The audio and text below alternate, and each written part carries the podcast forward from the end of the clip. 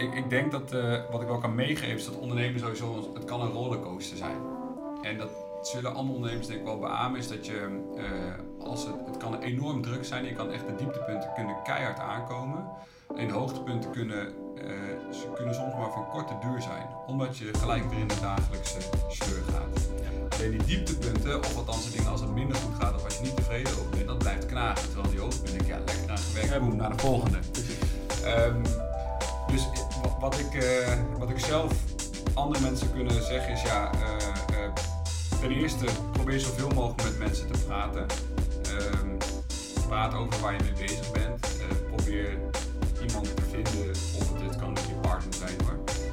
waarmee je s'avonds gewoon je shit gewoon even op tafel kan leggen. Dat is altijd goed. Ja. nee, je, je deel zoveel mogelijk met elkaar en, en vier ook je momenten. Want voor je het weet ben je alweer zo'n momentum voorbij.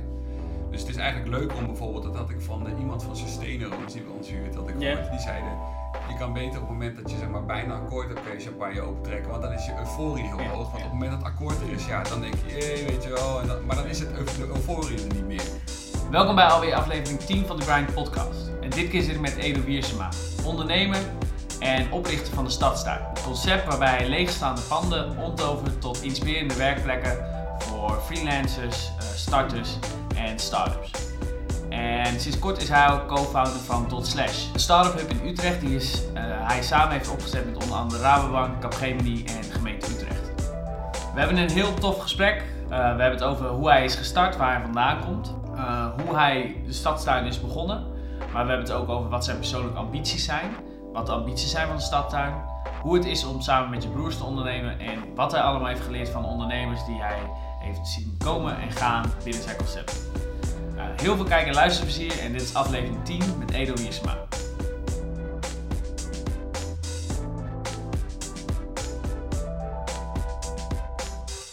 Nou, welkom uh, Edo. Um, ik begin altijd de podcast een beetje van waar ben jij begonnen?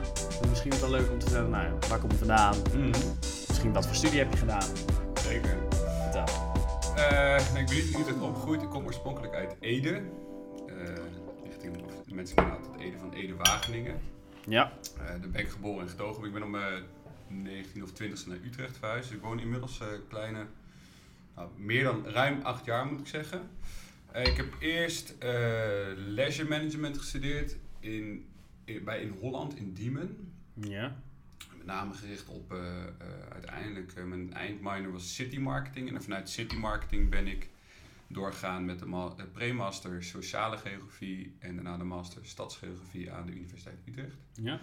Die heb ik december 2014 afgerond. En tijdens mijn uh, studies ben ik altijd bezig geweest met uh, herbestemming en transformatie. Met name bijvoorbeeld uh, bij leisure management was het meer hoe kan je dat soort dingen inzetten. zeg maar de hardware van de evenementenindustrie. Hè? Hoe kan je bijvoorbeeld, zoals een goed, um, goed voorbeeld is de Westergasfabriek. Ja. Hoe ga je zeg maar, iets transformeren en hoe gebruik je evenementen erin om het tot gang te zetten. Uh, en uh, daarnaast heb ik, uh, nou toen ben ik dus stadsgeografie gaan doen als verdieping eigenlijk van city marketing. Vond ik erg leuk. En toen heb ik ehm, tijdens mijn stadsgeografie, heb ik een, tijdens mijn masterthesis heb ik aan de ene kant een onderzoek gedaan naar ja, ja, zeg maar, een soort gebruik van een daktuin in, bij een herbestemmingsproject. Ja. En ja, dat was een soort, hoe zeg je dat, hoe noem je het? Uh, intellectueel, uh, ja, hoe heet het dan precies? Ik kan niet meer op kopen. Maar die, ja, was in ieder geval onderzoek gedaan aan het gebruik mm. en ervaring en de voorbedachte raden ermee. Ja. En tegelijkertijd, het was bij ING Real Estate. En toen heb ik ook een business case geschreven naar uh, vertical indoor farming. Wat je nu steeds meer ziet, hè? dus de, de kweek van gewassen met behulp van kunstmatig licht. UV-licht, blauw, rood. Uh, en, want we zaten midden in de crisis destijds en toen zei die directeur van ING, die zei ja, hoe kunnen we overal in Nederland enorm goede wiet op zolders kweken, ja. maar dan moeten we toch ook wel uh, groenten kunnen kweken in gebouwen. Ja. Nou, uh, ik was een beetje aangeraakt. Uh, het schijnt als je er eenmaal in zit, dan het vast, vastgoedvirus kan je, kan je een beetje zeg maar omhelzen. Ja. En ik vond het gewoon een heel leuke markt, alleen ik wilde het wel anders doen. Dus ik was eind 2014 was ik echt helemaal afgestudeerd. En toen kwam ik mijn voormalige compagnon Bas van Engeland tegen. Op een evenement op de gemeente Utrecht op stadskantoor. Ja. En ehm, nou, hij had acht jaar bij Camelot gewerkt, een groot leegstandbeheerder. En ik had enorm veel ideeën en zag gewoon dat er in Utrecht... Ik vond in ieder geval dat in Utrecht dat er wel plek was voor eh, een concept waarbij eh, we in de tijdelijkheid veel ondernemers met elkaar konden verbinden. Ehm, inspirerende plek konden creëren voor alle type ondernemers, van kunstenaars tot creatieve tot idee, nou, et cetera. Ja. En toen zijn we eigenlijk met z'n tweeën gaan schrijven aan een plan. En drie maanden later openen wij eh, de stadstuin. Dus het is... eh, Gaaf. Gaaf. ja, enorm hard gegaan. En dat was dus 2015. Ehm, vervolgens ook in 2015 augustus zelf het restaurant gaan exporteren op de Europalaan 20. Eh, in 2016 afscheid genomen van Bas. Die is toen verhuisd naar Groningen. En, ehm, en toen zijn mijn twee eh, broers, waar ik al een klein project mee deed, zijn ingestapt als partner bij de Stadstuin. Nou, en we hebben eh, vorig jaar maart in 2017 de Stadstuin op de Europalaan 500 geopend. Dit jaar in februari de Stadstuin aan de Kromme Gracht. En afgelopen maart hebben wij Dot Slash geopend. Gaaf. En nou, er zijn nog een aantal projecten, nou, maar zo, zo ongeveer, zo zijn we. Gaaf. Maar heb jij, heb je, want heb jij uiteindelijk tijdens die master, heb jij toen je scriptie geschreven, zeg maar, met visie op de stadstuin? Of? Nee, eh, ik, ik was wel altijd eh, gecharmeerd van concepten als het Volkskrantgebouw en eh, eh, Codem, het Schieblok, zeg maar, in Rotterdam. Ja, ja. Ehm, en ik vond wel dat op die manier, zeg maar, het is een beetje bottom, het is denk ik gewoon bottom-up een, een, een kantoorgebouw een andere invulling geven. Ja. Ehm, vond ik wel interessant. En daarnaast denk ik ook wel dat je ziet ook gewoon in de markt dat de markt van kleine ondernemers groeit enorm. Eh, ehm, van kleine of middelgrote bedrijven. In Nederland is een MKB-land natuurlijk. ja. En iedereen is denk ik op zoek naar een andere manier van hoe je, ja, hoe je met elkaar gaat samenwerken. Ehm, dus ik had er gewoon enorm veel interesse in. Toen dacht ik, nou, eh, 2015 eh, ga ik gewoon een jaar lang ga ik het proberen. En eh, nou, dat is eh, gelukkig succesvol. Gaaf. Hoe heb jij dan, want nou ja, ik kan me voorstellen dat jij niet even een, een, een, een pand kan kopen, even Nee. plat gezegd. Hoe ga je dan, op, ga je dan gewoon direct op zoek naar partners? Of ben- en ben je dan via de gemeente gaan? Eh, nou, op een aantal manieren. Ik denk dat het voordeel is van mij en van voormalige kampioens dat we, hoewel we wel een concept hebben wat, wat, wat denk ik ook veel andere initiatieven mee kan vergelijken, hebben wij wel een vastgoedachtergrond. Dus in principe spreken we de taal van, van de sector. En eh, ja, plat gezegd komt dat neer over eh, cijfers en rendement. Ja. Nou, dat moet je gewoon kunnen vertalen. En als je dat kan vertalen, het concept kan heel goed zijn, maar als je eh, die cijfers gewoon niet op orde kan krijgen, dan wordt het lastig. In eerste instantie ook, ja, zeker met de gemeente Utrecht, met Makelpunt gezeten. Gekeken of we met hun konden samenwerken als onderdeel van de gemeente Utrecht. Ja. Ehm, maar eigenlijk in contact gekomen met de eigenaar van de Europlan 20, of destijds de eigenaar, door ehm Emilie Vlieger van eh, Meer Merwede. En Ja. zij was met een aantal mensen was zij, eh, eh, ehm, actief of eigenlijk bezig met meer Mer- de Merwedezone op kaart te brengen. De Merwedezone is het grootste binnenstedelijke ontwikkelgebied van Utrecht. Ja. 6000 woningen. Destijds in 2012 zonder enige visie. En ja, zonder enige visie. En zij dacht gewoon, als je dat op een andere manier aanpakt vanuit een collectief en alle Ja. eigenaren bij elkaar, dan kan je ook echt een mooie stadswijk hier creëren. Nou, toen hoorden ze over ons en toen dachten ze, nou, misschien moeten jullie maar eens naar de Europlaan 20 met die eigenaar gaan spreken. Want het stond al tien jaar leeg. Oké. Eh, eh, gekraakt, anti-kraak, eh, nou ja, goed, inbraak. Je kan ze gek niet verzinnen, maar alles was daar wel een beetje uh, sprake geweest. En toen Ja. kwamen wij. Dus ehm, eh, ik denk dat ook een stuk geluk was, maar dat ook net, de markt was net toe aan nog zoiets in Utrecht. En het kon nog net in Utrecht, omdat je na, zeg maar in 2016 begon de markt weer aan te trekken. En nu eh, wordt het voor ons steeds lastiger, omdat er heel veel kantoren worden getransformeerd naar woningen. De Ja. markt trekt aan.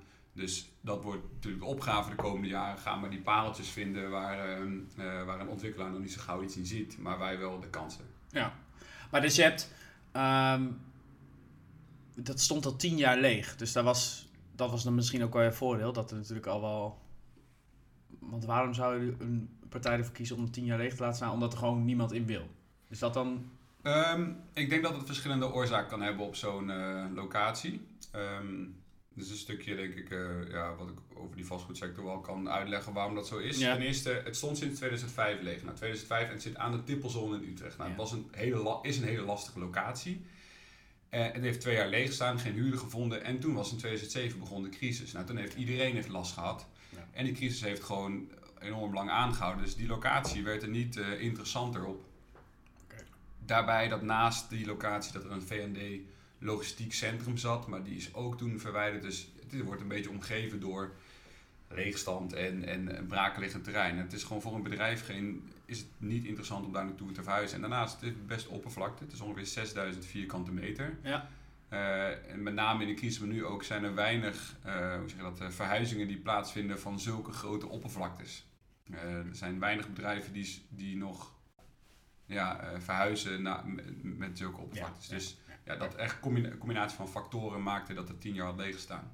Duidelijk. En toen, wij. Ja, gaaf. hey, maar ik, nou, ik merk dus al, je hebt heel veel dingen wat spelen. Mhm. Misschien wel leuk om, ik ben wel benieuwd, hoe ziet dan een, een week of een, een, dag voor jou er een beetje Ja. standaard uit?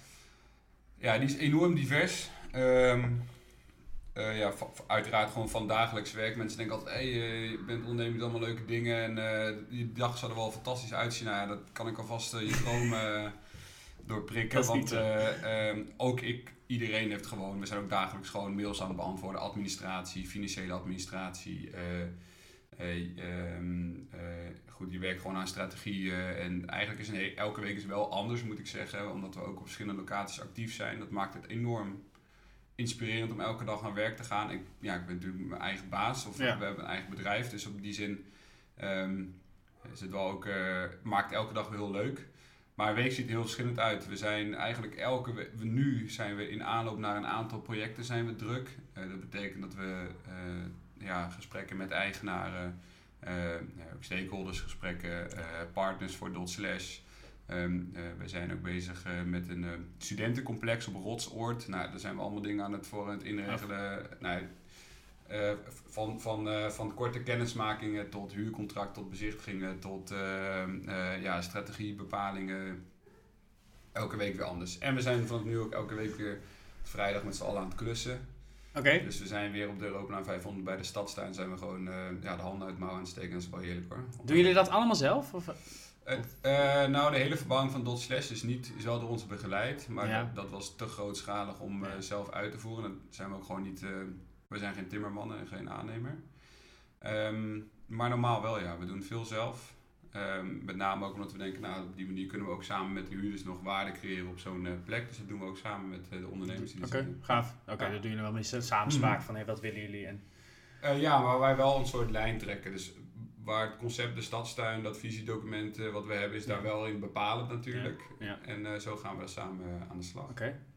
Nou, ik ben wel benieuwd, want je zegt van dot slash, dat, dat hebben jullie dan wel uitbesteed. Maar is dan jullie, bijvoorbeeld de eh Europalaan 20, hebben jullie dan echt een huurcontract voor een x aantal jaar? Of is dat, wel een tijdelijke eh, Ehm, locatie? Nou, wij zijn als stad zijn altijd, eh, we zijn gestart om een soort tijdelijke invulling te geven. Ja, dat betekent Ja. eh, eh, dat we tussen de drie en vijf jaar, vijf jaar is ideaal. Want na vijf jaar kan het zijn dat een gebouw moet worden getransformeerd of gesloopt. Nou goed, dat is, en dan kan je ook een maximale eruit halen uit een gebouw, Ja. object of locatie.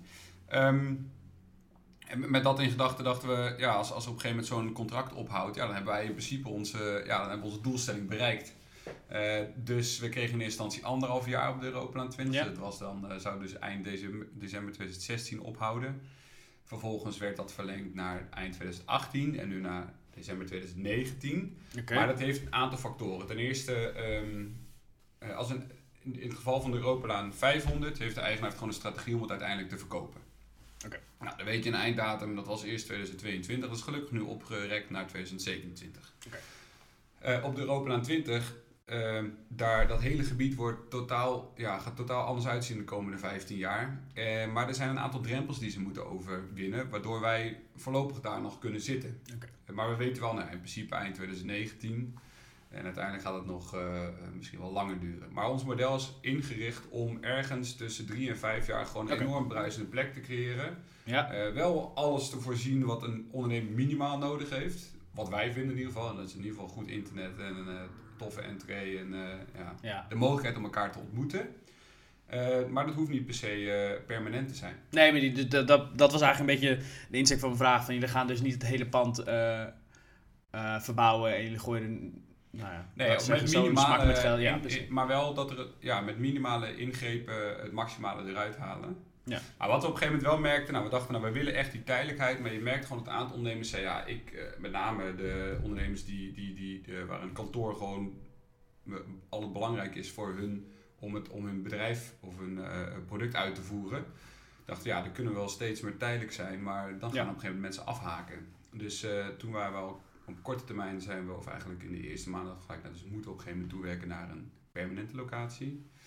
En toen is ook onze strategie veranderd van ja, we willen eigenlijk overal in Nederland met een, in een stad zitten waar een HBO-instelling zit, maar er moeten wel in ieder geval een permanente plek zijn. En dat denk ik 10 tot 15 jaar vind ik permanent zat. Ja, en dan kan je daaromheen kan je nog een soort van freewheelen met tijdelijke locaties. En zo zijn we dus ook op. Um, zijn we nu bezig met de locatie in de attractieweg in de werkspoorfabriek. Ja, ja. oké. Maar en waarom je zegt van waar overal een HBO zit? Wat is dan de insteek daarvan? Uh, dat er een, sowieso een bepaalde bevolkings- uh, of opleidingsniveau zit in de stad. Uh, uh, en het heeft ook niet alleen met HBO-instelling, maar ook te maken met de type HBO-instelling.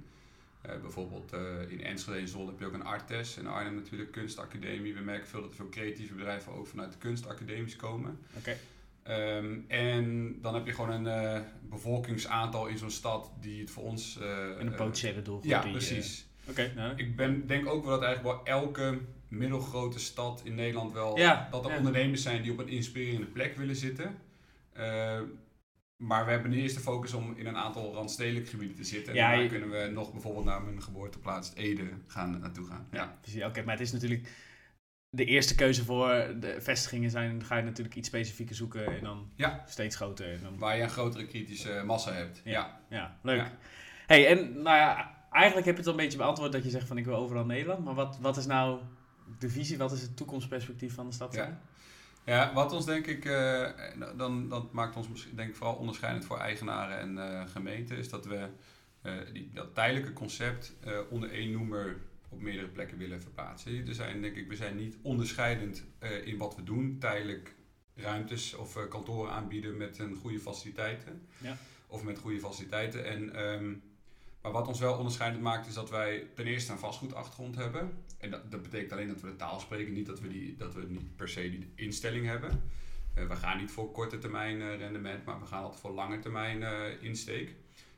en dat wij, en daar kwam op een gegeven moment uit van, ja, we, hebben, we merken gewoon dat er zoveel kansen overal liggen. Dan zou het zonde zijn om dat niet verder uit te werken dan dat we nu doen we kregen ook van verschillende signalen en kanten te horen. Nou ja, jullie hebben best wel een gaaf concept in handen. Waarom ga je niet verder kijken aan dit? En dat was in het eerste jaar. Toen dachten we, nou ja, goed, laten we eerst meer... Ja, uh, precies. we zijn nog maar net gestart. Maar op een gegeven moment moet je toch wel, als het vooral... Um, ik, ik ben en mijn partners zijn best wel ambitieus. Of we zijn ambitieus. En um, ik ben een ondernemer die... Uh, ja, ik ben wel tevreden met wat ik heb. Ik ben uh, blij dat het goed gaat. Maar ik merk wel, als er kansen liggen, wil ik verder. Uh, dus ik zou bijvoorbeeld nooit een één restaurant willen uitdraaien of één koffiebar. Ik zou dan gelijk zeggen, ja goed, het gaat hier goed, we gaan naar de volgende, snap je? We gaan het gewoon uitbouwen. Met keten. Ja, Keten of verschillende koffiebarren. Ja. Um, en dat merkte ik ook bij de stadstuin. Toen zeiden we op een gegeven moment, ja, we moeten gewoon onze ambitie wel wat, wat harder neerzetten. En je kan denk ik niet zo'n ambitie vaststellen over, over tien jaar. Ja. Uh, dus dan, dan moet je, nou, vind ik wel dat je na drie tot vijf jaar moet kijken. En toen uh, gingen we kijken naar hoe ziet de markt eruit. Uh, hoe kunnen we onderscheidend zijn voor alle eigenaren. Dus hoe kunnen we dat ene concept overal aanbieden. Um, en zo kwamen we op die strategie uit van, nou wij willen gewoon overal in Nederland een hbo-instelling zitten in de komende vijf jaar. Dus we hebben nog vier jaar te gaan.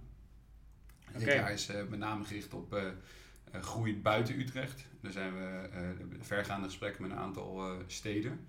Uh, om uh, vooral te laten zien dat we, we kunnen in Utrecht zijn we best wel, uh, ja, ik weet niet of we een heel sterk merk zijn. We zijn de naam is er in ieder geval. Ja, de naam is er, mensen kennen ons. Maar dan blijf je misschien alleen een Utrechts concept. En de uitdaging is natuurlijk om buiten Utrecht ook te landen en ook succesvol te zijn. Want dan kan je pas eigenlijk kijken in hoeverre je concept echt waardevol is en bestaansrecht heeft. Nou, dus dat, daarom is alles dit jaar gericht op groei ja, groei, maar vooral uh, het openen van de locatie buiten. Ja. Hey, en zonder dat je. Ik kan me voorstellen dat je nu niet zegt, nou, daar gaan we komen te zitten of uh, dat is al heel ver. Maar welke steden zou je heel gaaf vinden om te zitten? Wil je in Amsterdam zitten of is dat juist. Um, nou, ik zou niet. We hebben wel gesprekken over Amsterdam, maar dat was niet onze uh, intentie om daar te zitten. In Amsterdam zit redelijk veel. Ja, dat is mijn uh, precies. En, zeker, ja. Precies, en je bent, Amsterdam ben je, het is best wel pittig om jezelf te gaan onderscheiden, want je bent een van de concepten. Um, maar we hebben er wel gesprekken over, dus ja, kijk, het, het is natuurlijk heel fijn dat we daar een, dat we daar een locatie kunnen gaan openen. Uh, maar ik zou zelf eerder denken aan, ik vind enorm veel randjes nog in Rotterdam zitten. Uh, maar ook uh, steden die tegen de grootsteden aanzitten, zoals Amersfoort. ik vind dingen waar ik nooit, misschien twee jaar geleden niet over had nagedacht, maar Almere vind ik ook wel interessant, omdat er in Almere nog wel wat te halen valt. Ja, dus eigenlijk, wat ik vooral denk, is dat je buiten, de, buiten Amsterdam is enorm veel te behalen. Want ik, ik ehm, ja. vind Amsterdam een hele gave stad. Uh, er gebeurt veel op, ook op ondernemerschap, voor start-ups, voor uh, creatieve ondernemers, uh, muziekindustrie, mode-industrie. maar het, het is wel, dat ben ik de mening in ieder geval, dat het wel beperkt is tot de stadsgrenzen of internationaal. Hè? Dus het gaat niet verder dan de stadsgrenzen, dan wel internationaal. Ja. Terwijl ik denk, ja, dit is, gebeurt wel meer dan alleen in Amsterdam. En die andere steden is nog veel meer te halen, omdat daar ook behoefte is aan dat soort concepten. Ja. Nou, wat wat je zegt net van hè, dat Amsterdam heeft natuurlijk heel erg dat internationale. Ik zat er vanochtend over na te denken. Maar je hebt natuurlijk uh, de Next Web heeft samen met Google natuurlijk dat. Het is allemaal heel. Zit ook wat meer geld, denk ik. Maar het, allemaal, het zijn hele grote concepten, heel internationaal georiënteerd. Mm. Maar inderdaad, naast Amsterdam gebeurt er genoeg in andere steden. Dus misschien is dat juist wel het het onderscheidende vermogen. dat je daar juist de, omheen gaat voor de stadstuin wel, maar als je kijkt naar uh, uh, bijvoorbeeld Dot Slash, waar, waar, we ons eigenlijk alleen richten op start-ups en skill-ups, ja. Um, dan moet je het weer anders bekijken. Uh, Nederland probeert, en ook denk Amsterdam, in Nederland proberen wel steden met elkaar te concurreren. Dat vind ik een beetje zonde, want we zijn in Nederland enorm klein en we zijn uh, met de Randstad aan zich, met uh, Eindhoven, Arnhem, alles bij elkaar zou je eigenlijk, nou, dat wordt wel gezegd, dat zou je eigenlijk als één stad kunnen zien als je het vergelijkt met wereldsteden als New York, Shanghai, uh, Parijs, qua oppervlakte alleen.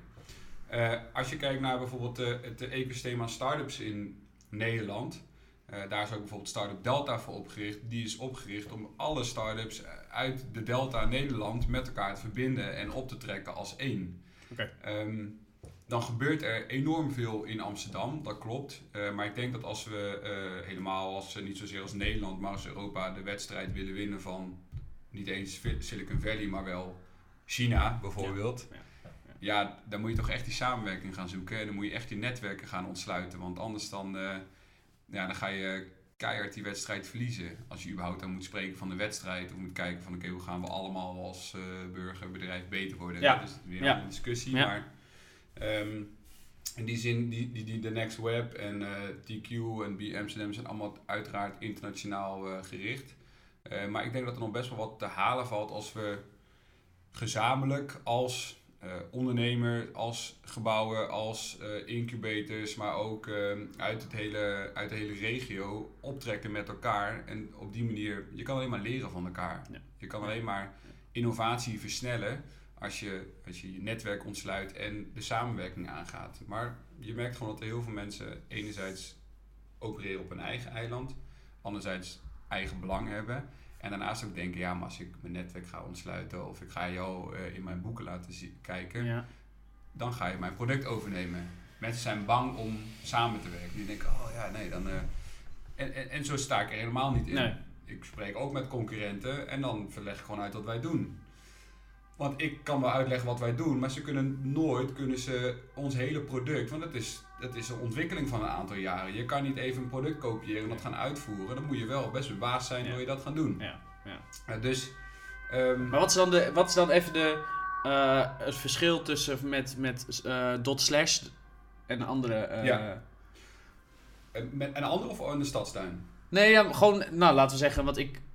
Hè, je zegt net, we zijn echt op startups en mm. en skills. Dus dat is mm. meer de tech kant, denk ik dan even. Ja, ja, ja. Nou, laten we zeggen eh, dat van de Next Web. Ja. Wat is dan het... het uh, ik weet niet, ik denk niet dat er... Uh, ik denk dat, dat de Next Web in, in ieder geval in het gebouw TQ in Amsterdam, of TQ, dat daar door de samenkomst van een aantal enorm grote bedrijven zoals Google, dat je daar als start-up of skill-up echt zo'n accelerator programma goed kan doorlopen en naar de ja, het volgende miljoenenbedrijf kan worden. Wij zijn met Dot Slash zijn we echt opgericht omdat er een vraag was vanuit startups uit Utrecht. Die zeiden, ja, we zitten allemaal in super gave incubatieprogramma's. Uh, maar als we wat hebben doorlopen, dan, en we moeten daar weg, of we moeten ons, uh, uh, of we zijn ja, gedwongen om weg te gaan, of we, we moeten, we gaan groeien, Ja. dan willen wij in eenzelfde type omgeving zitten. Ah, Oké. En- en met andere start-ups, met die energie, met die mentaliteit, eh, met inspirerende programma's eh, om ons en partners om ons weer nog verder te helpen dan dat. Maar dat was er in Utrecht niet. En op die manier zijn wij dus daarop ingesprongen. En toen hebben we gezegd, nou goed, eh, laten we het dan gaan ontwikkelen. Dat Ja. hoefden we gelukkig niet alleen te doen. Dat konden we goed met de hulp van eh, meneer- ja, het family office van meneer Ventenen van Vlissingen. Die, wat ook echt wel een eh, ondernemer is die eh, staat voor eh, MKB-ondernemers, startende bedrijven. En dan wordt ja, je merkt ook aan dat hij daar enorm veel energie van krijgt. Ja.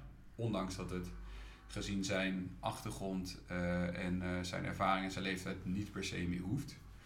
Ehm, en zo gaan wel dingen, zijn echt dingen in werking gezet waar ik van denk, ja, dat had niet zo gauw gekund als ik dat allemaal zelf had gedaan. Was een stuk lastiger geweest in ieder geval.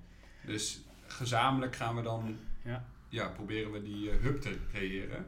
En niet alleen voor die start-ups uit Utrecht, maar ook echt de regio erbij te betrekken. En wat, zijn, wat is dan de rol van eh, nou ja, partners als de Rabobank en Capgemini? Gaan die daar ook in zitten zelf, in het kantoor?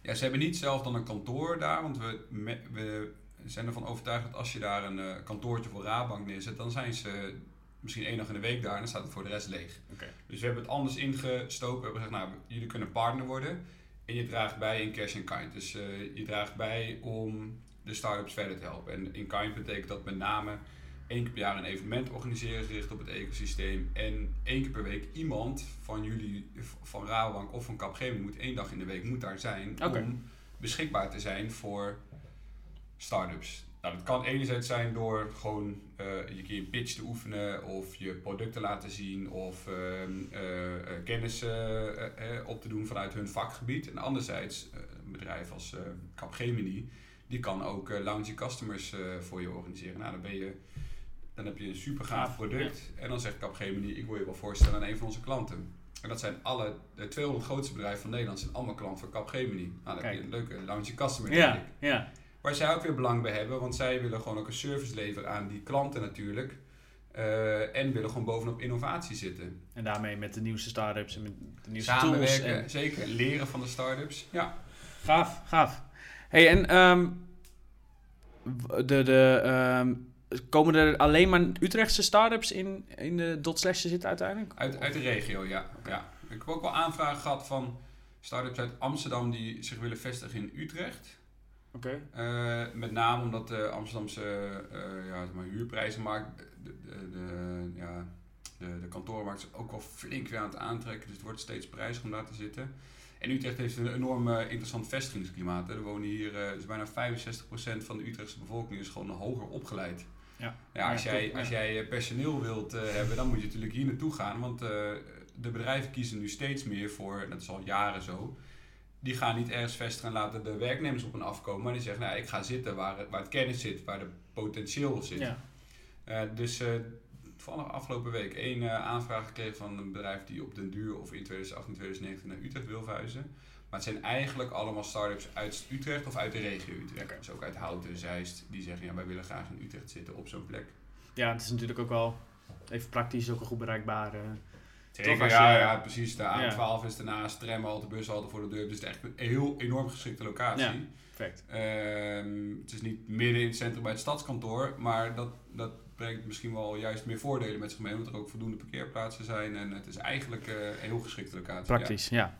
Hey, en ehm, ik ben heel benieuwd. Nou, je hebt natuurlijk op het Neuden heb je het postkantoor, hè, wat, Ja, wat leeg ja, staat. ja. Ik ben heel benieuwd. Nou ja, eh, eh, start-up hub heb je, je hebt stadskantoor, of stadstuin. Wat zou jij dan met het Neuden doen, met dat gebouw? Als je even... Ja, ik ben een beetje bevooroordeeld, want ik heb natuurlijk alle plannen al gezien. Dus Ja.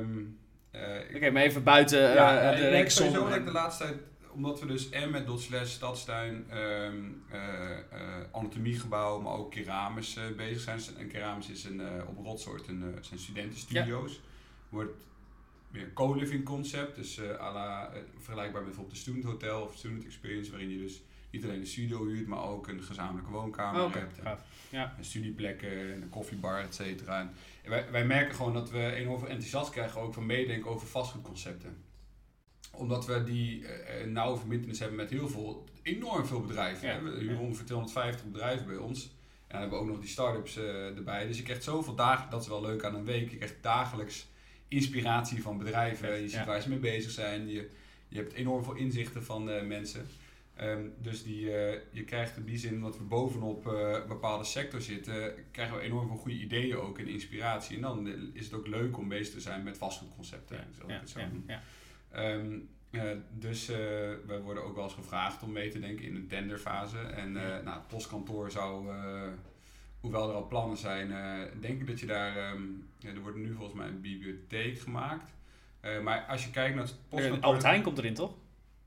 Mm, volgens mij een bibliotheek. Oh, laatste dacht, plan die ik heb gezien aan bibliotheek. oh, ik dacht dat Ja. het juist afgekeurd was en dat er nu de Albert Heijn... eh, Ah, Oké, Nou. nou, ja, het zou kunnen. Nou, ik heb ook Fabiano's een keer gehoord, maar dat, ik kan ze gek niet bedenken. ja. Eh, Als je kijkt naar het ehm, eh, postkantoor, dat heeft altijd eigenlijk functie postkantoor gehad. En het is goed om te kijken naar de historie van een gebouw. Sowieso een enorm uniek gebouw in hoe het is gemaakt. Er zijn volgens mij drie, vier gebouwen in Utrecht die precies door dezelfde architect zijn gemaakt. Oké. Waaronder toevallig het anatomiegebouw dat we gaan Kijk. Ehm, en ja, ik zal altijd naar de historie kijken. En de postkantoor is in, in het verleden is een soort van eh, ja, eh, middelpunt geweest van communicatie. Zou je niet meer zeggen, maar de post waar alles naartoe gaat en wordt opgehaald, Ja. ja. daar, daar, daar- kon je, je nu juist eenvoudig met internet, telefonie, noem maar op, je kan ze gek niet bedenken om elkaar te bereiken. Maar vroeger was het gewoon met post. Dus het heeft een best wel altijd een centrale functie gehad. Ja. En dan zou ik die centrale functie weer laten terugvloeien eh, in het gebouw. Eh, en dan openstellen voor iedereen. Want je kan, ehm, en dat is het mooie denk ik aan een bibliotheek. In een bibliotheek komen alle generaties, eh, opleidingsniveau, eh, iedereen is daar welkom, omdat er voor iedereen wat is. En als je dan gaat kijken, oké, je gaat daar een concept creëren waarbij je bijvoorbeeld, ik kan me voorstellen dat je iets van, iets van de foodhall of zo, zoiets daar zou kunnen doen. Dan, ja, dan wat je wel creëert is dat heel veel mensen, je ontsluit dan eigenlijk niet hetgene wat daar gebeurt. Ja. Je, exclusief, ja, je houdt het exclusief voor een type mens die daar het bestedingsbudget heeft om daar in de, zeg maar, in de foodhallen eh, te komen eten. Ja. Een lumpia van eh, Ja. 5 euro. Ik zou altijd voor een mix van functies gaan, omdat dat, het, eh, omdat dat een gebouw de hele, het hele dag levend kan houden. Dus van horeca tot bijvoorbeeld bibliotheek, workshopruimte, maar ook eh, misschien wel opvang. Je kan zo gek niet bedenken. Eh, maar ik heb eigenlijk nooit heel... eh, Ja, dus je zou het meer een sociale functie geven. Je zou er, eh, Zeker, ja. ja. ik denk dat je daar, vooral als het, ik weet niet van wie het eh, eigendom is, volgens mij is het van de overheid van de gemeente. Ik denk dat de, eh, vooral omdat de markt nu enorm aan het aantrekken is, dat er best wel een eh, rol is voor gemeentes om te bewaken dat, dat de stad voor iedereen toegankelijk blijft. Hè? Ja. De- je ziet dat er enorm- door de druk op de woningmarkt, dat er heel veel projectontwikkelaars en beleggers ehm, daarop springen. Logisch, want Ja. zij hebben het geld en ik vind dat ook een heel ehm, eh, op zich wel een, zeg maar een eh, gezonde ontwikkeling, want die maken de stad ook leefbaar. Maar het is aan de overheid natuurlijk om, althans vind ik, die hebben de enige macht in handen om, om sociaal-maatschappelijke functies te Ja. behouden. Ja. Ik, zou, ik weet niet of ik zelf als ontwikkelaar zo erin zou staan. Misschien zou ik zelf als ontwikkelaar wel zeggen, nou ik vind het belangrijk dat er, er zijn ook een aantal ontwikkelaars die dat wel zo doen, die maatschappelijke sociale insteek hebben. Eh, maar die zijn beperkt. En uiteindelijk gaat het toch wel ook om het rendement. Ja, Dus ehm, ja. ja, ik zou voor een iets socialere functie eh, gaan. Ja. Nou ja, toen ik las dat er een bibliotheek in kwam. Ja, ik, ik, ik, ben, ik dacht dat ik ergens had gelezen dat dat helemaal eruit was. Maar toen had ik wel zoiets van, ja, dat snap ik wel. Dat het Ja. is natuurlijk een centrale plek. Ja, Uh, ik, denk niet dat je, ik denk niet dat je het een, eh, nou ja, dat het een commerciële functie moet krijgen of zo. Dat er, eh, ja, ik meen zelfs dat ze woningen hebben ze, hebben ze Mhm. zelfs nog over gehad. ja. Kantoorruimtes, nou ja. Ja. Ik heb ben, eh, je, je, je, overvalt me niet echt, maar ik, ik heb er nog nooit over Nee, nagedacht. nee maar, ik dacht misschien heb jij... Ik, ik zou oh, wel, dit, als je het dit kan, mis ik nog in Utrecht. Precies, ja. wat, ja, wat mis ik nog in Utrecht? Ja, ik had een tijdje geleden had ik het over, ja, ik mis een krokettenbar. En toen kwam er plots een krokettenbar. Ik ja, super vet. en en eh, ik zou wel eens met een aantal mensen gewoon één keer in de maand of twee maanden willen zitten met, eh, heb je nog ideeën wat je mist in Utrecht? Had ik laatst met een collega, of met mijn collega Jos erover. Als we zo'n zo'n soort eh, eh, denktankachtig iets Ja. hebben, dat we gewoon zeggen, ja, wat missen we nog? En dat we dat gewoon ehm, eh, kort uitwerken en dan gewoon op een platform gooien zodat iedereen die denkt, oh, ik wil eigenlijk wel wat leuks in Utrecht, maar ik ben er klaar mee. Nou, Ja, dan ik- gewoon even inspiratie op doen. Ja, ook maar een krokettenbar of zo, weet je wel. Ja. Ik zeg maar wat.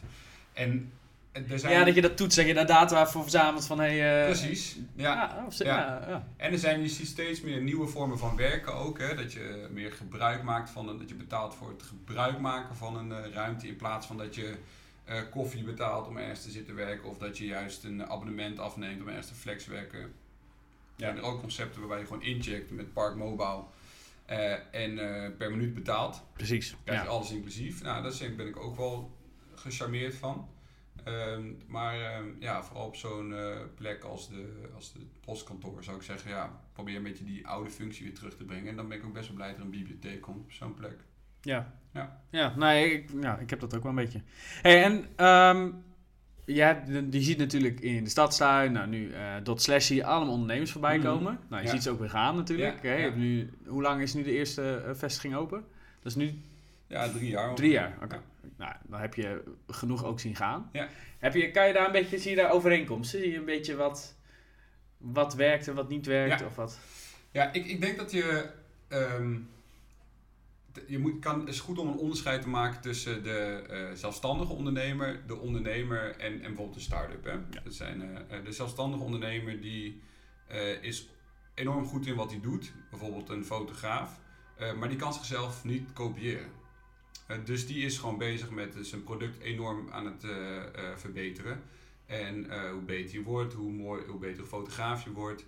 En zeg maar, hoe mooiere opdrachtgevers je krijgt. Ja. Um, dus er is een onderscheid in, de, in zeg maar, de ambachtsman die een bepaald iets kan en dat niet kan kopiëren. En degene die een product heeft die, waarin die door dat te vereenvoudigen op een gegeven moment mensen in dienst kan nemen en dat kan schalen eigenlijk. Ja.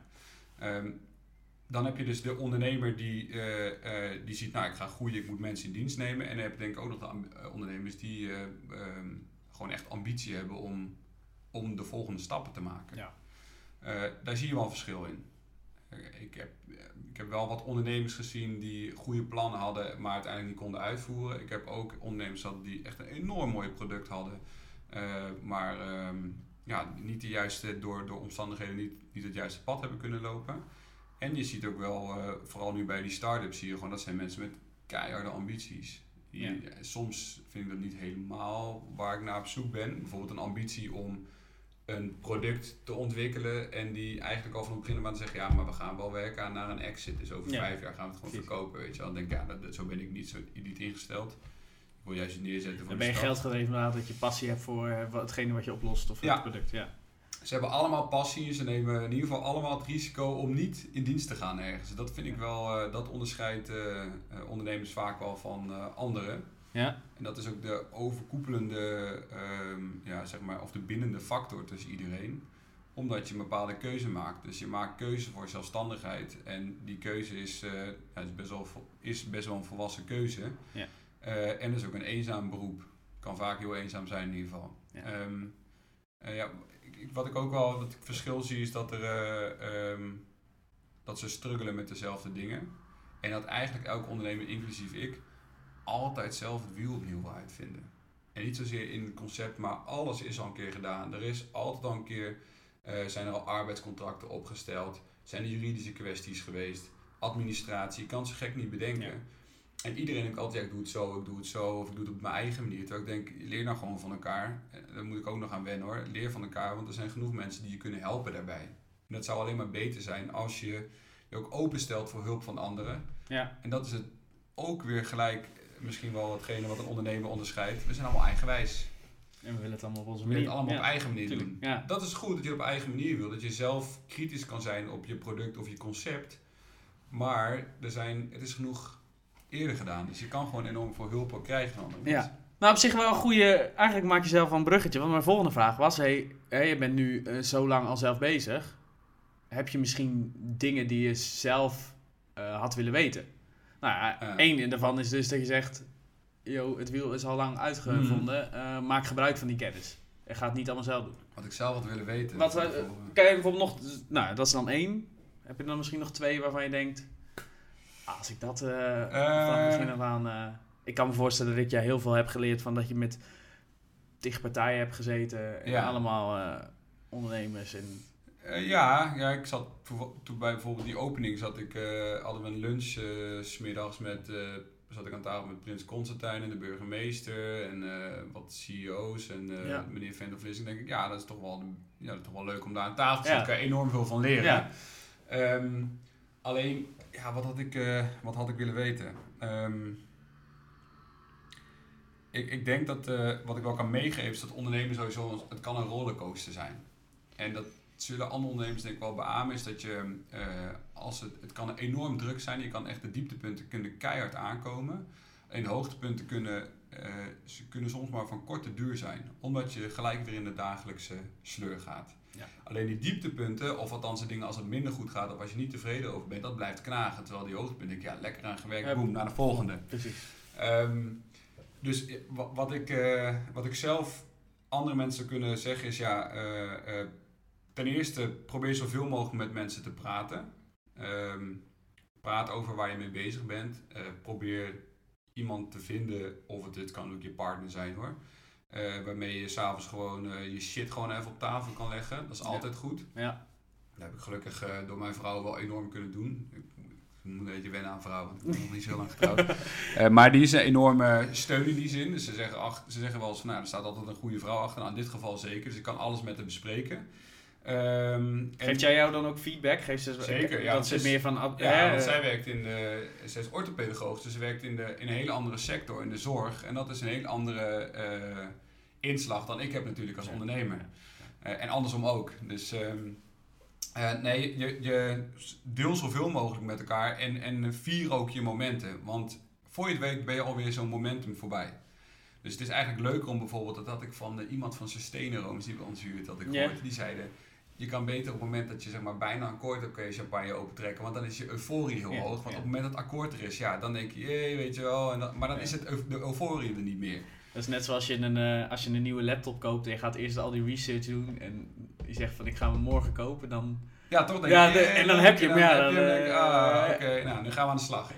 Dus eh, ik denk, eh, dus enerzijds eh, probeer met veel mensen te praten. En, en dat, dat had ik, dat heb ik vanaf het begin af aan wel kunnen doen. Er zijn veel mensen die op een of andere manier, ja, ik, ik praat ook makkelijk, dus ik kon makkelijk en ik deel ook Ja. mijn, Ja. mijn twijfels en ook de dingen waar ik zeker van ben, deel ik ook met mensen. Ehm, wees bereid om sowieso fouten te maken, om op je bek te gaan, want dat hoort er gewoon bij. Dat gebeurt in Nederland te weinig, maar je wordt in, eh, bijvoorbeeld in Amerika, als je een groot bedrijf hebt die gaat failliet, dan word je gezien als succesvol, Ja. omdat je het risico hebt genomen. Eh, dus neem ook risico. Ehm, soms moet je ook tevreden zijn met wat je hebt. Ja? Ik denk dat het goed is als je ambitie hebt en eh, dat je verder grotere stappen wilt maken. Maar probeer ook af en toe te relativeren waar je eigenlijk mee bezig bent, wat je al tot nu toe hebt bereikt. Want hard werken, ondernemen is super tof. En je doet het ergens voor, want je haalt voldoening eruit. Je ontmoet enorm veel mensen en eh, het is enorm gaaf. Eh, maar als je niet bezig bent met waar je eigenlijk, wat je allemaal Ja. doet nu en wat je allemaal hebt bereikt, ja, dan, eh, dan, dan houdt het op een gegeven moment op. Want dan hou je er geen voldoening meer uit. Dus probeer dat ook en probeer dat met mensen te delen natuurlijk. Hè? Eh, met mensen om je heen, vrienden. En eh, ja. Gaaf. Je hebt net verteld wat je met Stadstuin wil bereiken. Mhm. Maar wat is persoonlijk? Wat wil jij... Wat is jouw einddoel? Eh, Heb jij die? Ja, ik, ik denk sowieso wat ons, eh, omdat we nu, eh, wat ik vertelde, dat mijn, mijn broers zijn ingestapt als partners. We zijn een beetje ontwikkeld naar een soort familiebedrijf. En eh, ehm, we willen het wel doen voor de volgende generatie. Dus we zijn in eerste instantie, ik ben wel echt een Utrechter, dus eh, ook dot slash, maar ook de stadstuin en dingen, die doe ik ook wel om de stad mooier te maken. Ja. En zo, ga, zo onderneem ik ook. Ik kijk eerst van, oké, eh, hoe, kunnen we, hoe kunnen we gezamenlijk tot een, eh, eh, tot een overeenkomst komen en... ehm, het verdienmodel komt vanzelf wel. Dat is misschien wat ons, wat ons ook wel onderscheidt van anderen. Ik kijk eerst van, nou, ik zie de kansen. Volgens mij hebben we allebei dezelfde insteek. Hoe we uiteindelijk geld gaan verdienen, dat komt wel als het goed zit. Ehm, ja, wij willen als eh, persoonlijk, eh, nou heb ik de ambitie met de stad zijn heb ik het denk ik uitgelegd. Hè? Dus eh, Ja. hoe, hoe, waar- hoe we willen groeien. We willen het echt wel een eh, product maken die ons, die over tien jaar nog bestaat. 15 jaar misschien nog wel bestaat. Dat zou denk ik een andere vorm krijgen. We zijn nu in een soort een, een conceptbeheerfunctie. Eh, misschien wel in de toekomst zijn we in staat om, om objecten te kopen. Ja, precies. wel. Zelf te ontwikkelen, ja. Zelf te ontwikkelen. Eh, en dat vind ik een eh, gezonde organische groei. Ehm, verder, als persoon zijnde, ik, ik merkte op een gegeven moment, eh, moet ik een beetje een st- stapje terug naar tijdens mijn HBO-studie. Ja. Ik heb zelf VWO gedaan en ik merkte op mijn HBO-studie dat de eerste blok was enorm inspirerend en eh, energiek. En we hadden hele leuke projecten. Allemaal nieuwe mensen, allemaal nieuwe dingen. En het tweede blok, toen merkte ik, nou ten eerste vond ik het project geen onderaan. En ik zat niet in een leuke projectgroep. En ik merkte dat het me eh, relatief eenvoudig afging. Ja, dat is niet zo goed, want zo heb ik in het verleden ook eh, met de pet naar gegooid op, eh, op de basisschool en, en, en de middelbare school. Want als het makkelijker gaat, dan denk je, ja, weet je, laat maar, dan ga ik Ja, andere doen, dan ja. ga ik spijbelen en zo. Ja. Dus ik kwam weer een beetje terug in dat oude ritme. Toen dacht ik, nou, dat ga ik niet doen. Ik ga afmaken. Want ehm, nou, waar, ik, waar ik over zat te twijfelen is, ehm, ik ben eh, niet alleen geïnteresseerd in vastgoed, maar eigenlijk door de gebouwde omgeving. Ik ben enorm geïnteresseerd in architectuur en, en eh, eh, dat vak ook. En hoe je met gebouwen, bruggen, parken, hoe je enorm impact kan hebben op, op een stad of een gebied. Of eigenlijk de beleving of de ervaring van de mens van zijn omgeving. Dus een tijdje terug dacht ik, ja, over vijf jaar dan zie ik me wel zeg maar, dat eindpunt van de stadstuin eh, en al onze ambitie hebben we dan gehaald. Ja. Eh, we zijn nu bezig met allemaal andere projecten. Ik heb geen flauw idee waar ik verder over vijf jaar sta. Maar ik dacht wel, ik ga persoonlijk ga ik me ook verder ontwikkelen. Ik dacht eerst, nou, ik ga Spaans leren, want ik wil Zuid-Amerika wil ik zien. Dus daar, eh, dat ga ik oppakken. En daarnaast wil ik mijn M-wiskunde B en natuurkunde weer oppakken. Want ik wil over vijf jaar eigenlijk of deeltijd of voltijd studie bouwkunde gaan doen. En alsnog misschien wel architectuur in. Gaaf. Eh, hoe ik dat ga vormgeven, dat had ik laatst. Maar zo zou ik mezelf wel zien eh, ontwikkelen de komende jaren. Ehm, en verder, ehm, ja... ben, jij, ben jij bezig met, met, met persoonlijke ontwikkeling? Met, lees je even boeken erover? Ben je daar Nou, ik bezig? lees niet veel boeken, maar ik ben wel heel veel bezig met hoe, hoe, ga ik, hoe ben ik als ondernemer en als werkgever. Want we, we zijn een jong bedrijf. Eh, we hebben nu twee, we hebben drie mensen in dienst. We zijn met drie partners, we zijn met z'n zessen. Nou, dat groeit de komende jaren gewoon eh, per Ja. locatie één, dus het gaat flink groeien. Eh, en ik ben wel heel erg bezig met hoe, niet zozeer wat ze van me denken, maar wel hoe wil ik als ondernemer, als werkgever ehm, eh, eh, met mijn werknemers omgaan. Hoe wil ik in de wereld staan ook. Nou, dat is een stuk, ik denk wel een stuk duurzaam en maatschappelijk verantwoord ondernemen vind ik erg belangrijk. Maar ook hoe zet je iedereen in, eh, in staat, stel je iedereen in staat, alle mensen die bij je werken, om het maximale eruit te halen en het gewoon, en, eh, en het gewoon ook eh, werk gewoon leuk houden. Ik denk dat als je een leuke werkomgeving hebt, je kan goed met elkaar omgaan, er is geen hiërarchie, dan is het altijd prettig. Maar uiteindelijk, ja, er moet ook wel gewerkt worden, er moeten ook targets, nou, targets worden gehaald, er moet ook wel, ehm, er moet wel ook een strategie en ambitie worden Ja, nageleefd. precies. Ehm, en hoe, ik ben daar wel mee bezig, hoe kun je dat zo eh, goed mogelijk eh, in werking zetten? Nou, een van de leukste bedrijven die onlangs, een van de leuke bedrijven die onlangs is komen huren is Corporate Webels. Ja. Die deden ook een presentatie tijdens de opening van Dot Slash. En die Corporate Webels zeiden ook van ja, we zaten in een corporate omgeving, was het gewoon niet voor ons. En die, die liet een aantal trends zien. En die trends, een van die dingen is ehm, ja, de vrijheid eh, aan, je, on- aan je werknemers geven. En ik ben altijd bezig met, als jij wil ondernemen binnen het bedrijf, ik ben eigenlijk op zoek naar ondernemers binnen het bedrijf. Dus Ja, eh, ehm, die vrijheid kan je krijgen. En daar zit ook een soort van, ehm, hoe zeg je dat, ehm, eh, verdienste in als je dat goed doet. Dus als je kan ondernemen binnen een bedrijf, je bent bezig, eh, je wil graag een ander concept of verdieping ervan, of eh, eh, je, je wil eh, kijken hoe kunnen we nog meer eruit halen, ja, dan zit het uiteraard voor jou ook meer in, omdat jij dan het concept verbetert. ja. Eh, en eh, in die zin, ja, aan het eind van de. Doet iets waar je... Waar Precies. je nou, dat is toch ook de reden waarom, volgens mij, dat Google doet toch eh, 20% van je tijd mag je zelf besteden. Ja. Aan, eh, Ja. Ja. ja, kijk, Google heeft natuurlijk enorme, dat is pittig, want Google heeft ten eerste duizenden werknemers en ten tweede, die moeten de beste werknemers hebben. Ja, Eh, uiteraard. Maar zij, ze hebben wel het concept van, hey, ga lekker 20%.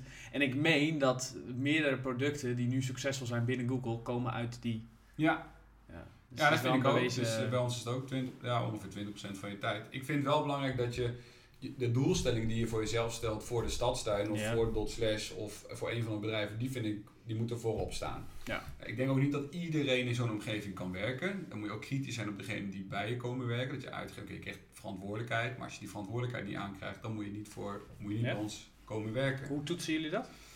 Nou, door sollicitatieprocedures. ehm, eh, Wordt er, wordt eh, ik las laatst dat ze, dat ze eh, nu een trend hebben dat ze niet meer kijken naar je eh, leeftijd, maar gewoon naar je skills en wat je kan en naar je Ja. persoonlijkheid. vind ik niet verkeerd.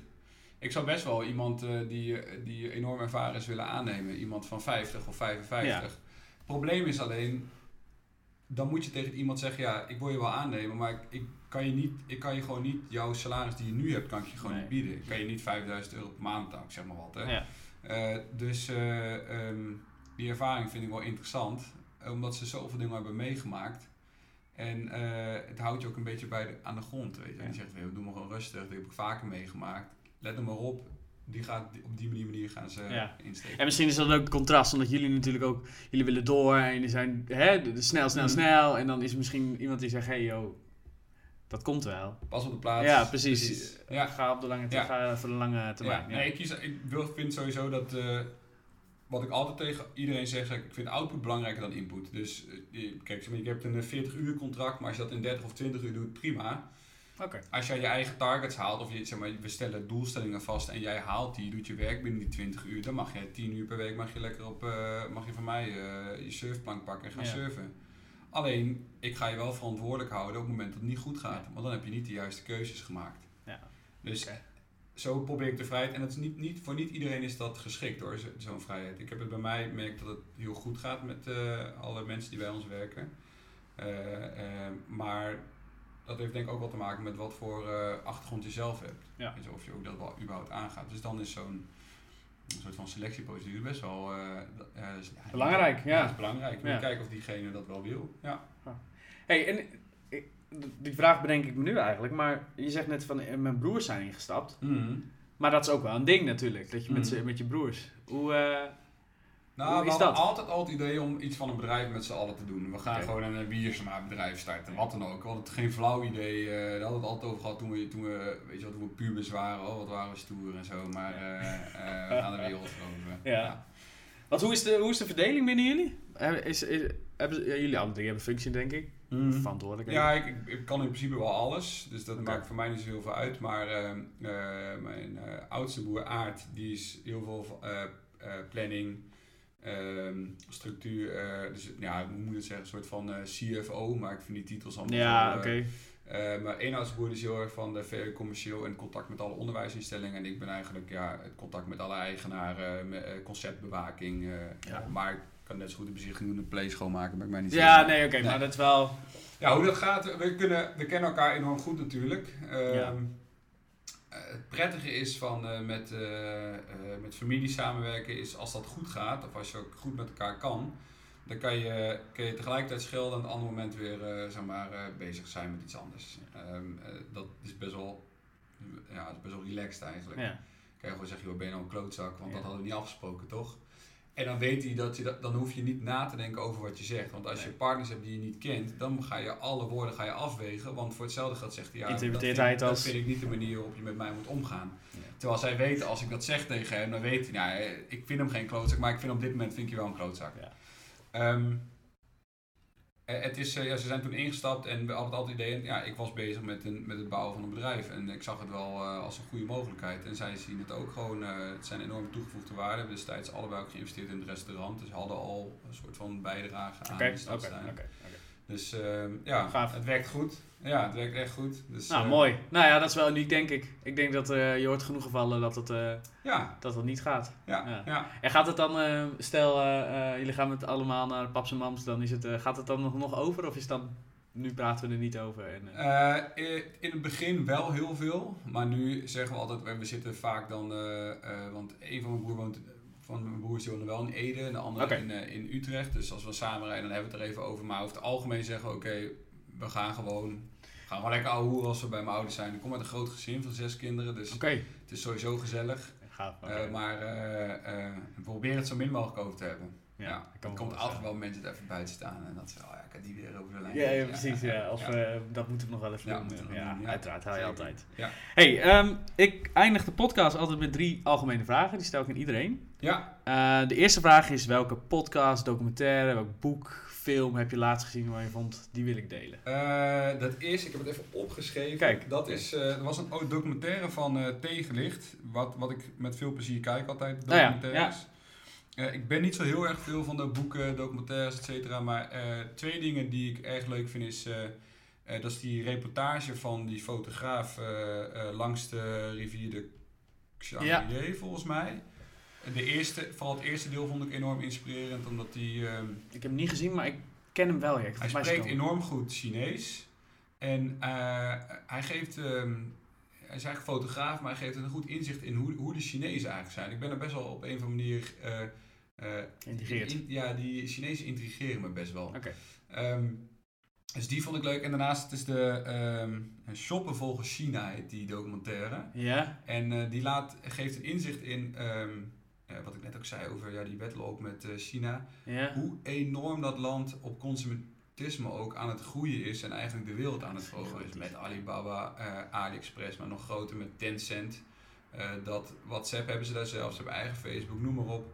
En als je wil leren van, eh, denk ik, van de nieuwe wereldmacht, dan denk ik, kijk niet naar Amerika en wat er in Silicon Valley gebeurt, maar probeer een stap verder te kijken en ga naar China.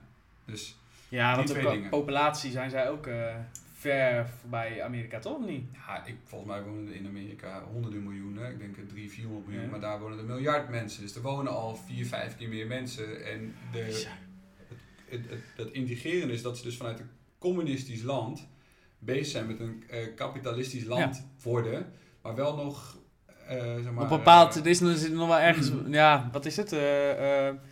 Nou, conservatief zou ik niet zeggen, Ja. maar nou, er zit dus nog wel ergens een... eh, Ja, en ik denk, heel veel dingen gaan ook niet goed hoor, maar het is wel eh, interessant hoe als ze zeggen, ja, we willen gewoon een duurzaam land worden, boem, worden er gewoon hele woestijnen worden omgeturnd tot eh Groenland. Ja, nou, dat is wel een bepaalde insteek natuurlijk, ja. Gaaf, Ja. gaaf. Oké, nou, ik zal hem in de show notes zetten, dan kunnen we, Ja. kan iedereen kijken. hey, en nou ja, voor jou een beetje, waar kunnen we jou online vinden? Ik deel wel eens wat op LinkedIn, Oké. dus ik zou zeggen, doe gewoon een eh vriendschapverzoek, meestal eh, accepteer ik het wel. Ja. Eh, ik ben niet van het vloggen of zo, toevallig laatst wel een keer voor de grap gedaan voor de opening van Dot Slash. Ja. Ehm, eh, verder uiteraard stadstuin.nl, slash surf. Anatomiegebouw kan je zien wat we allemaal doen. Facebookpagina's en LinkedIn pagina's. Op Instagram zelfs ook. In, maar ehm, persoonlijk ben ik niet heel veel actief. LinkedIn Maar je bedrijven zijn wel overal op de... Zeker. Gaaf. Ja. Hey, en, en de laatste vraag, en dat is een beetje voor mij. Wie moet ik nog eh, volgens jou interviewen? Eh, ja, daar zat ik over na. En een van de eh, interessante huurders bij de stadsin is eh, Michiel de Ruiter van Epic Mountain Adventures. Het is een super tof bedrijf. Zit dat niet naast Martijn eh, de Kuiper naast van Revue? Ja, hij heeft het verteld, ja. Ja, het leuke is dat zij, eh, eh, het bedrijf staat op 10 jaar en eh, zij organiseren eigenlijk eh, eh, off-piste sneeuwvakanties. En dan moet je denken aan dat je eh hun 10 jaar bestaan zijn ze met een zeiljacht naar de Noordpool gegaan. Dus Ja, gewoon hoor. de berg, een berg op eh Langlauf en dan naar skiën of met een eh, helikopter naar boven. Super vet en het leuke is, eh, want het is niet voor iedereen geschikt. Je moet en kunnen skiën en eh, ja, kan ik wel zeggen, het zijn niet de goedkoopste reizen. Maar hij heeft altijd zulke grappige verhalen. Ja? Omdat hij dus, hij, hij ontmoet echt best wel, eh, insp- hij ontmoet enorm inspirerende mensen. Dus van, van mensen die bijvoorbeeld, dat laatste keer eh, zat hij, eh, de oprichter van Booking.com had hij in zijn reisgenootschap. Maar ook andere vermogende families. Maar hij heeft, hij, hij- ten eerste heeft hij heel veel leuke verhalen. En hij is een inspirerende ondernemer, omdat hij, omdat hij gewoon iets enorm unieks doet. Dus hij doet een eh, soort van niche-markt, maar het is zo vet wat hij doet. En het is gewoon echt een hele relaxte gast. Dus ik Leuk. zou zeggen, ehm, Die Bellen. moet ik, eh, ja, oké. en, eh, volgens mij begint het rustige seizoen aan te komen. Het sneeuwseizoen is bijna voorbij. Dus dan heeft hij... ja, dan gaan ze nu het mountainbike seizoen natuurlijk. Oké. Maar ehm, eh, ja, hij heeft denk ik wel iets meer tijd nu in de voorbereiding daar naartoe. En hij heeft nu een heel druk seizoen nog steeds. Gaaf, gaaf. IJsland geweest, ook met zo'n zo'n Nederlandse kitesurfer. eh, daar zag ik ook een video voorbij komen. Die was dus door anderen uitgenodigd om met hem naar IJsland te gaan. Eh, ze gaan ook naar Japan, Cool. Zwitserland uiteraard, Canada. Dus echt de gekste dingen gaan ze, ja, super vet. Gaaf. Ja. Nou, tof. Nou, misschien eh, krijg ik die nog wel in de podcast. Ja, hey, dankjewel voor je komst. Succes met leuk, Bedankt voor de uitnodiging. alle toko's. De stadstuin, Ja. slash. Ik ben heel benieuwd. En ik ben benieuwd in welke stad Ja. jij gaat zitten. Dat is wel even spannend. Ja. Dankjewel. Yes.